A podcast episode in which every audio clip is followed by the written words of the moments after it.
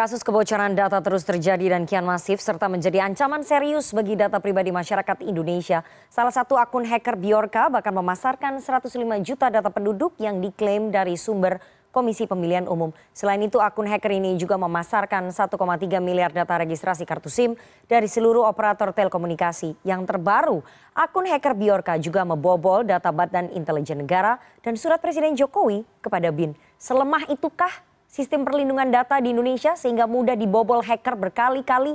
Untuk membahasnya lebih dalam kita sudah terhubung melalui sambungan Zoom dengan Ketua Lembaga Riset Keamanan Siber Cisrek, Pratama Persada. Selamat sore, Mas Pratama.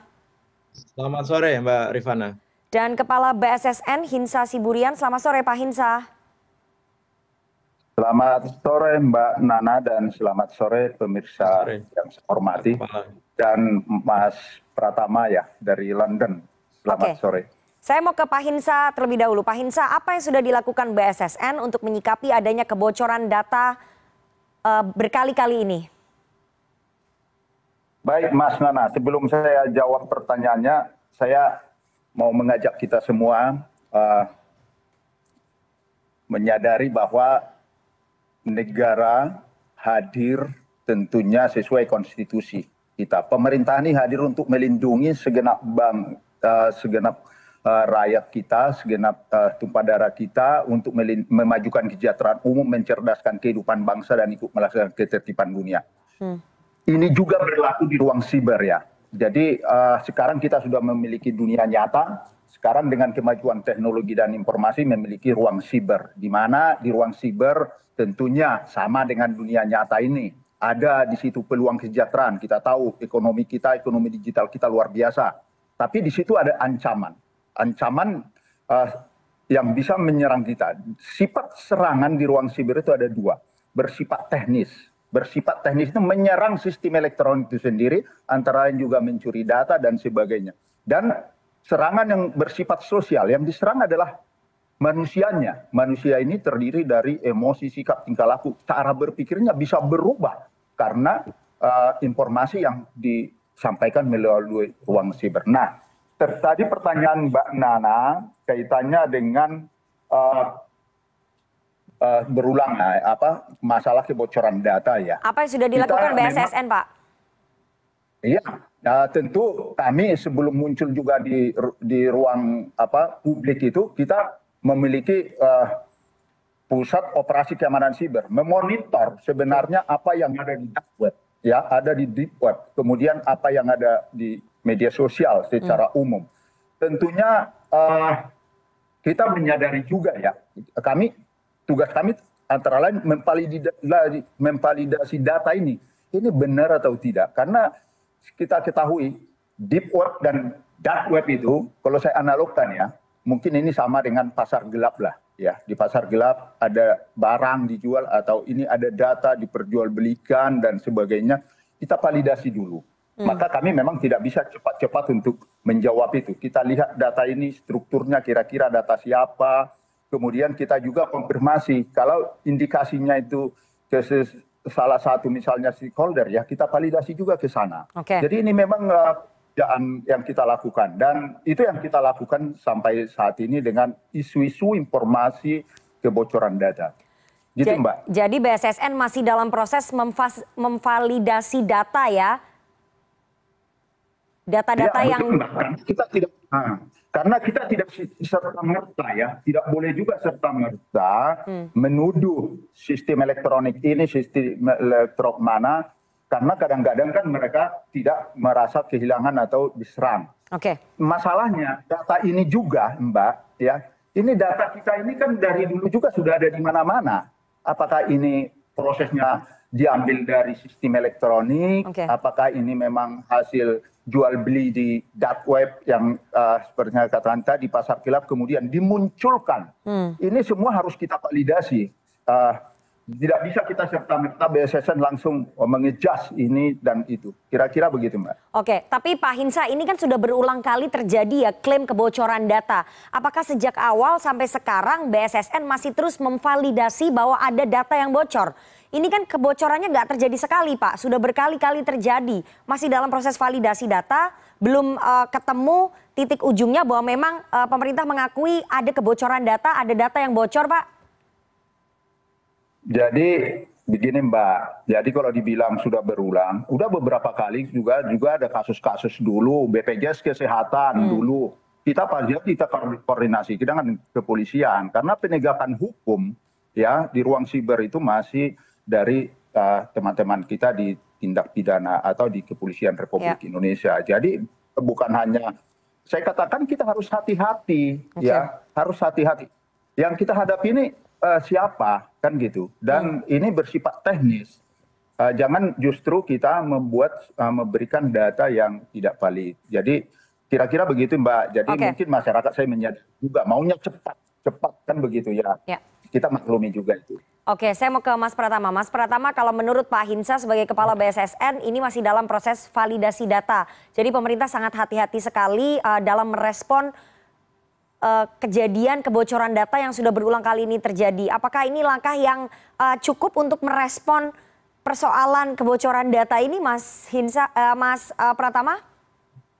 Ya kalau menurut saya Pak Kepala BSSN memang wajib ngomong seperti itu karena mewakili pemerintah gitu. Hmm. kalau kalau saya bilang bahwa data-data yang sudah bocor itu contohnya misalkan data registrasi SIM card gitu. Okay. Itu ada sampelnya 1,5 juta lebih data itu ya. sudah terverifikasi bahwa data itu memang data yang benar gitu. Kemudian hmm. data dari yang dibilang dari KPU gitu apa saya juga memvalidasi beberapa nik dan kakaknya udah pasti benar. Nggak mungkin ada orang bisa merekayasa satu juta lebih data dengan okay. sangat tepat itu kayaknya nggak akan mungkin gitu. Mm. Sebenarnya kita bisa memverifikasi data itu benar. Yang jadi masalah adalah dari mana data itu berasal gitu. Ini kan menjadi masalah gitu. Masalah tata kelola ini kan sekarang menjadi masalah yang sangat luar biasa apa berantakannya gitu. Bagaimana ceritanya gitu pemerintah dalam hal ini Kominfo yang pada saat tahun 2018 memerintah kita untuk melakukan registrasi SIM card gitu, hmm. semuanya wajib registrasi SIM card, kalau nggak akan diblokir dan setelah masyarakat registrasi SIM card dan sekarang datanya bocor tidak tahu di mana data itu disimpan.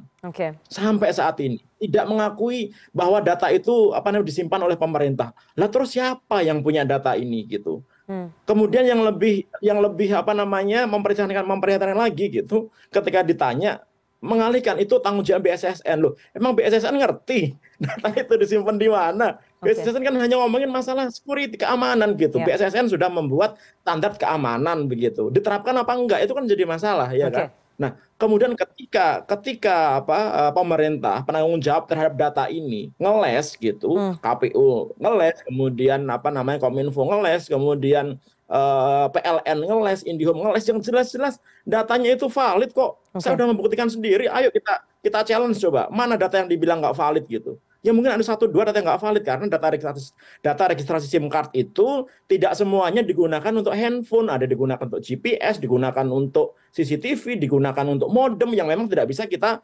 gunakan untuk pemanggilan atau untuk WA gitu. Okay. Mana yang nggak valid sebelah mananya gitu. Nah ini hal ini yang menurut saya uh, harus dihindari ya gitu dan ini menjadi pelajaran buat uh, apa namanya pemerintah bahwa ya ini loh sistem anda itu lemah loh gitu anda hmm. itu harus apa namanya bikin gitu harus harus melindungi masyarakat gitu. Ini yang jadi yang jadi persoalan kan apa uh, masyarakat sudah mempercayakan data yang kepada pemerintah gitu untuk disimpan untuk di, diolah oleh pemerintah begitu. Tapi pemerintah tidak mengamankan data itu dengan baik. Akhirnya yang rugi siapa? Balik lagi. Okay. Masyarakat yang akhirnya rugi, akhirnya menjadi korban penipuan, datanya digunakan untuk iklan judi online, hmm. petipu pinjol ilegal dan lain-lain gitu. Kalau orang-orang yang pejabat-pejabat itu nggak akan ngerasa gitu karena karena mereka nggak mengalami kalau di, di bawah itu mengalami semuanya nggak akan ada judi online di Indonesia itu kalau agen-agen atau bandar-bandarnya hmm. tidak punya data nomor handphone yang dikirimi iklan judi online itu gitu loh. Oke. Jadi uh, harus ya. harus berpikir gitu. Ini bukan masalah yang remeh gitu menurut saya sih Mbak Rifana. Oke, uh, Mas Pratama saya ingin tanya kalau dibandingkan dengan negara lain yang punya pasti uh, data masyarakatnya juga banyak, apakah yang terjadi terhadap ya. di Indonesia ini juga kerap kali terjadi kebocoran-kebocoran data di negara lain atau memang ini hanya yang paling sering terjadi di Indonesia saja, Mas Pratama? Ya, ini masalah ini terjadi di hampir semua negara, Mbak, gitu. Oke. Apa namanya, pernah terjadi, tapi mereka belajar gitu. Hmm, hmm. Contohnya misalkan data LinkedIn itu bocor tahun 2012 gitu. Hmm. Setelah itu dia memperkuat sistemnya, sampai sekarang nggak ada tuh bocor-bocor gitu. Oke.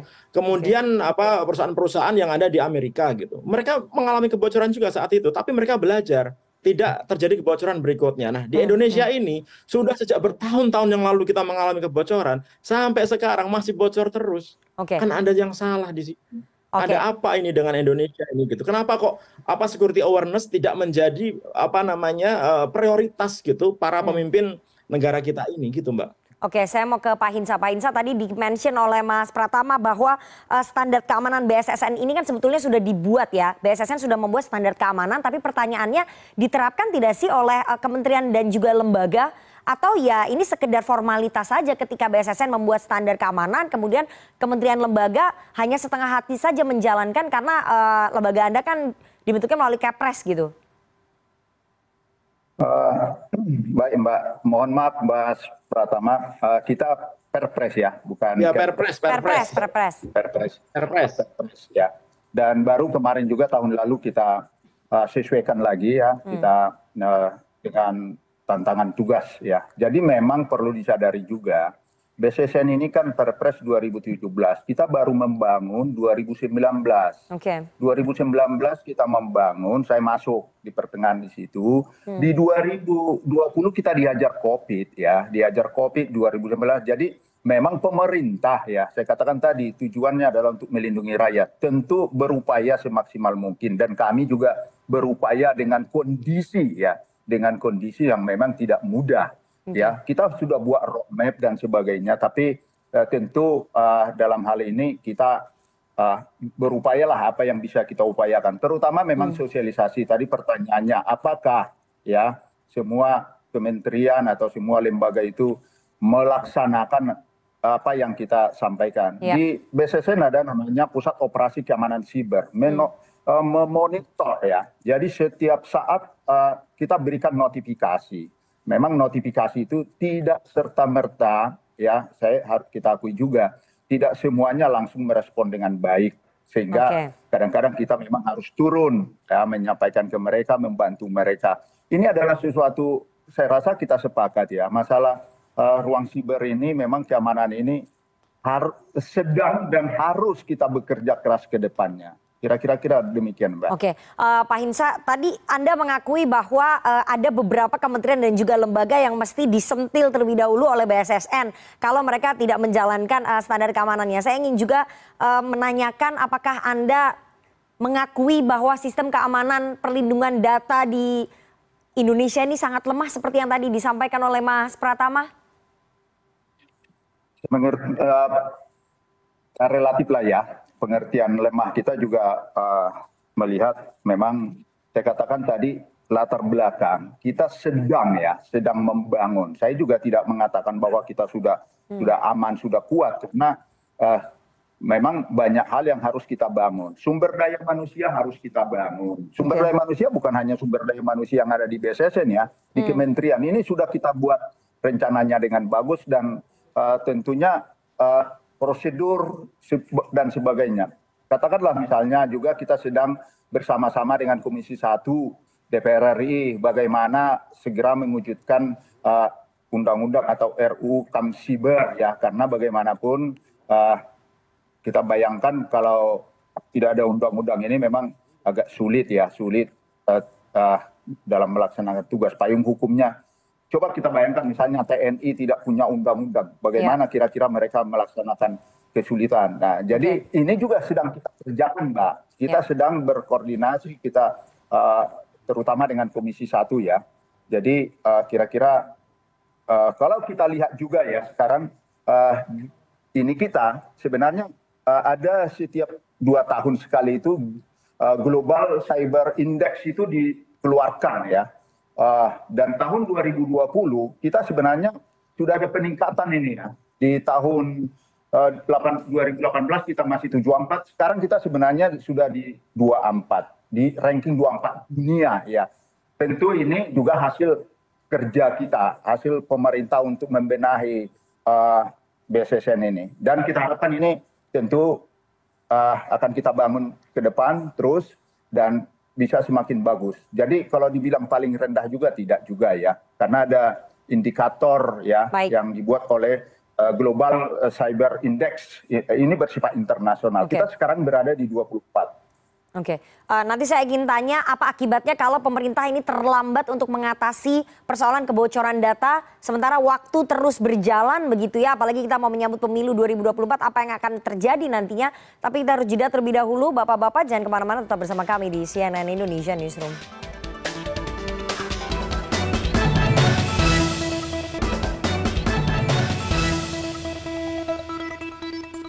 Anda masih bersama kami di CNN Indonesia Newsroom dan kita akan lanjutkan perbincangan kita dengan para narasumber. Ada Pak Hinsa Siburian, Kepala BSSN dan juga Mas Pratama Persada, Ketua Lembaga Riset Keamanan Siber Cisrek. Saya mau ke Mas Pratama. Mas Pratama, apa yang terjadi kalau persoalan kebocoran data ini tidak segera diselesaikan oleh pemerintah? Kalau tadi penjelasannya Pak Hinsa bahwa uh, masih terus kemudian digodok RUU Keamanan Siber bersama dengan Komisi 1, uh, RUU PDP juga uh, akan dibawa ke sidang paripurna tapi kan ini waktu terus berjalan sementara hacker-hackernya tidak bisa menunggu sementara kebocoran data terus terjadi apa yang akan terjadi Mas Pratama? Ya akhirnya nanti banyak terjadi kegaduhan Mbak. Kenapa? Karena selain data-data yang bocor ini digunakan untuk melakukan uh, kejahatan kepada masyarakat begitu, data-data uh, yang cukup lengkap ini karena dari data SIM card itu dipadukan dengan data uh, dari KPU begitu akan ketahuan tuh setiap orang nomor nik nomor apa KTP itu nomor handphonenya berapa gitu ya kan hmm. kemudian digabungkan dengan data-data platform e-commerce yang sudah bocor Tokopedia ada Bukalapak dan lain-lain gitu bisa digunakan profiling nah ini tahun 2004 2024 gitu menurut saya ini menarik ini kenapa karena data-data ini gitu jika apa dimiliki oleh apa namanya satu apa namanya uh, organisasi gitu hmm. bisa digunakan untuk melakukan apa iklan-iklan politik yang menyasar ke masyarakat kita gitu. Okay. Contohnya misalkan tahun 2016 ada kasus Cambridge Analytica saat ya, itu ya. data Facebook kemudian ada 60 juta lebih diambil oleh perusahaan pihak ketiga gitu digunakan untuk melakukan iklan uh, politik saat itu hmm. Presiden Trump gitu sehingga setiap orang gitu mendapatkan iklan yang berbeda-beda gitu sesuai hmm. dengan profiling masing-masing orang gitu sehingga mereka dengan sangat senang hati bisa mengubah haluannya untuk memilih orang yang diiklankan tersebut gitu sehingga apa hasilnya tidak ini tidak sesuai dengan hati nurani masyarakat gitu okay. karena digoda karena dimasukin informasi-informasi yang sebenarnya informasi tersebut tidak benar nah ini bisa berpotensi nanti di tahun 2024 gitu yeah. yang dimulai dari saat sekarang gitu karena data ini sangat lengkap sekali yeah. saya bisa tahu loh nama si A yang rumahnya ada di Aceh kelurahan kecamatan ini hmm. nomor handphonenya segini gitu jadi itu nanti bisa di cluster-cluster tuh nanti itu. Oke, okay. itu sangat, kalau ini sangat berbahaya sekali ya. Bisa, saya saya ingin ya, tanya ya, ke bisa digunakan gitu untuk Oke, okay, untuk, untuk profiling pada pemilih di 2024 Pak Hinsa. Ini ya. apa yang akan dilakukan oleh BSSN tentu saja dengan stakeholders lainnya di pemerintah agar ini tidak terjadi karena ini akan sangat mengerikan ketika uh, terjadi profiling kepada masyarakat dan ini bisa digunakan untuk melakukan kampanye-kampanye politik sementara pemilihan umum akan terjadi di 2024. Kalau tidak segera diantisipasi akan terjadi hal-hal tadi yang disampaikan oleh Mas Pratama, Pak Insa. Iya Mas, ya, ya Mbak, Mbak Nana, jadi uh, eh, BSSN tentu punya program ya, hmm. punya program yang harus kita laksanakan, termasuk di situ adalah sosialisasi dan literasi, uh, kemudian juga bagaimana kita membangun sumber daya manusia kita, kemudian juga tentu uh, yang saya katakan tadi masalah tata kelola, masalah peraturan perundang-undangan, semua kita kerjakan ya. Ya karena uh, Badan Siber itu uh, ada tiga komponen utama yang harus kita bangun, sumber daya manusianya harus kita bangun, kemudian hmm. proses dalam hal ini peraturan perundang-undangan, dan ketiga adalah teknologi. Memang teknologi mahal ya, tapi okay. sekarang kita memang uh, antara lain yang bisa kita prioritaskan terutama sumber daya manusianya dan juga bagaimana proses peraturan perundang-undangan ini kita sebut ke depan.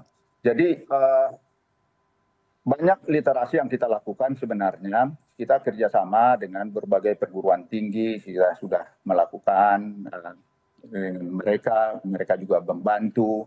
Jadi uh, yang kita harapkan adalah sebenarnya ada kesadaran dari kita semua bahwa uh, persoalan masalah keamanan siber ini persoalan kita semua hmm. sehingga berupaya untuk uh, membangun ya. Dan saya yakin pemerintah, ya terus terang aja Mbak Nana ya, kalau secara saya pribadi melihat, Badan Siber dan Sandi Negara itu hadir baru 2017. Ya. Padahal internet ini sudah sekian puluh tahun yang lalu. Ya syukur kita Pak Jokowi uh, membentuk Badan Siber dan Sandi Negara. Tentu yang saya katakan tadi, kita dalam proses. Nah, ini yang kita ajak semua masyarakat untuk bisa uh, kesadaran ya masing-masing kesadaran untuk keamanan siber ini. Oke. Kira-kira gitu Mbak. Selain menumbuhkan kepercayaan dan juga ke kesadaran dari masyarakat untuk sama-sama menjaga datanya tapi ada tanggung jawab dari pemerintah yang harus dilaksanakan untuk menjaga keamanan data dari warga negaranya karena itu adalah kewajiban dari pemerintah Pak Hinsa. Terakhir Mas Pratama saya ingin tanya apa yang perlu dievaluasi agar kebocoran data ini tidak terulang kembali. Uh, mungkin yang pertama pemerintah harus mau menerima ataupun mengakui begitu ya memang terjadi kebocoran data. Kalau kita lihat pemerintah negara lain ada yang meminta maaf saat terjadi kebocoran data, tapi pemerintah Indonesia tidak mau mengambil tanggung jawab itu, Mas Pratama. Mas Pratama? Hilang. Mas Pratama? Mas Pratama? Oke, tampaknya ya, kita ya, sorry, sorry, sorry, Oke, silakan Mas Pratama. Ya. Oke oke. Jadi jadi kalau menurut kalau menurut saya apa namanya langkah paling cepat adalah apa namanya pemerintah kita mulai sadar bahwa keamanan cyber ini menjadi harus menjadi prioritas begitu. Kalau menjadi prioritas tempatkan lembaga-lembaga yang bertanggung jawab terhadap keamanan cyber ini sesuai dengan kedudukannya gitu. Hmm. Contohnya misalkan BSSN, bagaimana BSSN bisa bekerja mengamankan Indonesia dengan hanya anggaran 500 miliar gitu. Hmm. It's impossible lah gitu. Apa namanya nggak akan mungkin bisa terjadi gitu. Bagaimana BSSN bisa mengamankan apa keamanan cyber Indonesia dengan SDM-SDM yang mungkin dibutuhkan pemimpin-pemimpin yang mungkin nanti uh, berkompeten dalam bidang cyber begitu. Nah, ini ini harus harus apa namanya uh, serius gitu. Kalau memang kalau memang benar-benar pemerintah kita serius, ya itu perkuat gitu, koordinasi dengan baik. Karena nggak bisa tuh ancaman cyber hanya di apa tanggulangi oleh satu institusi, nggak bisa tuh BSSN sendirian melawan apa namanya hacker-hacker itu atau melawan musuh-musuh uh, yang bertanggung jawab terhadap keamanan cyber gitu. Nggak bisa tuh. Misalnya kominfo hanya ngelawan sendirian ngelawan apa namanya musuh-musuh yang dari luar nggak ada. Semuanya harus berkolaborasi semuanya harus berkoordinasi dan tempatkan bahwa keamanan cyber ini menjadi prioritas prioritas itu bukan hanya bilang bahwa oh ya BSSN bertanggung jawab ya BSSN nanti yang jadi koordinator nggak seperti itu gitu. Hmm, hmm. Kalau memang ada komitmen dari Pak Presiden gitu, apa namanya kasih dong anggaran yang benar gitu, apa namanya sehingga bisa melakukan pekerjaannya dengan baik, kasih dong teknologi yang benar gitu, kasih dong SDM yang benar gitu, supaya bisa melakukan pekerjaannya dengan baik. Kalau sekarang kan enggak gitu seolah-olah ya udah kerja aja gitu. Yang penting gimana caranya dengan uh, apa kondisi yang terbatas gitu kerja untuk aman Indonesia gitu. Nggak akan bisa gitu. Nggak nggak nggak boleh seperti itu gitu. Oleh karena itu komitmen pimpinan dalam hal ini komitmen apa namanya Pak Presiden itu penting hmm. sekali uh, dalam penanggulangan keamanan cyber yang ada di Indonesia gitu. Kalau enggak hmm. Akan kejadian lagi. Lihat aja nanti. Kalau kita nggak serius pasti nanti akan kejadian lagi. Sekarang udah diancam nih Pertamina datanya mau dibongkar karena menaikkan harga BBM gitu. Nanti nggak tahu apalagi ke depannya gitu. Apalagi uh, tipe si hacker ini dia bukan hanya melakukan pencurian data menjual data, dia juga mau mau mulai ikut-ikutan uh, meramaikan situasi politik yang ada di Indonesia gitu. Oleh karena okay. itu memang kita harus hati-hati dan itu bisa kita lawan kalau kita bersama-sama dan menjadi kuat. Baik, gitu, baik. Kita tunggu bagaimana komitmen dan juga tanggung jawab dari pemerintah untuk bisa mengatasi persoalan kebocoran data ini. Karena sekali lagi uh, ini tentu saja mengganggu ataupun menurunkan kepercayaan masyarakat terhadap uh, pemerintah. Terima kasih sekali para narasumber yang sudah hadir pada sore hari ini. Ada Hinsa Siburian, Kepala BSSN, dan Pratama Persada, Ketua Lembaga Riset Keamanan Siber Cisrek. Selamat sore Pak Hinsa dan juga Mas Pratama, sehat selalu. Sore.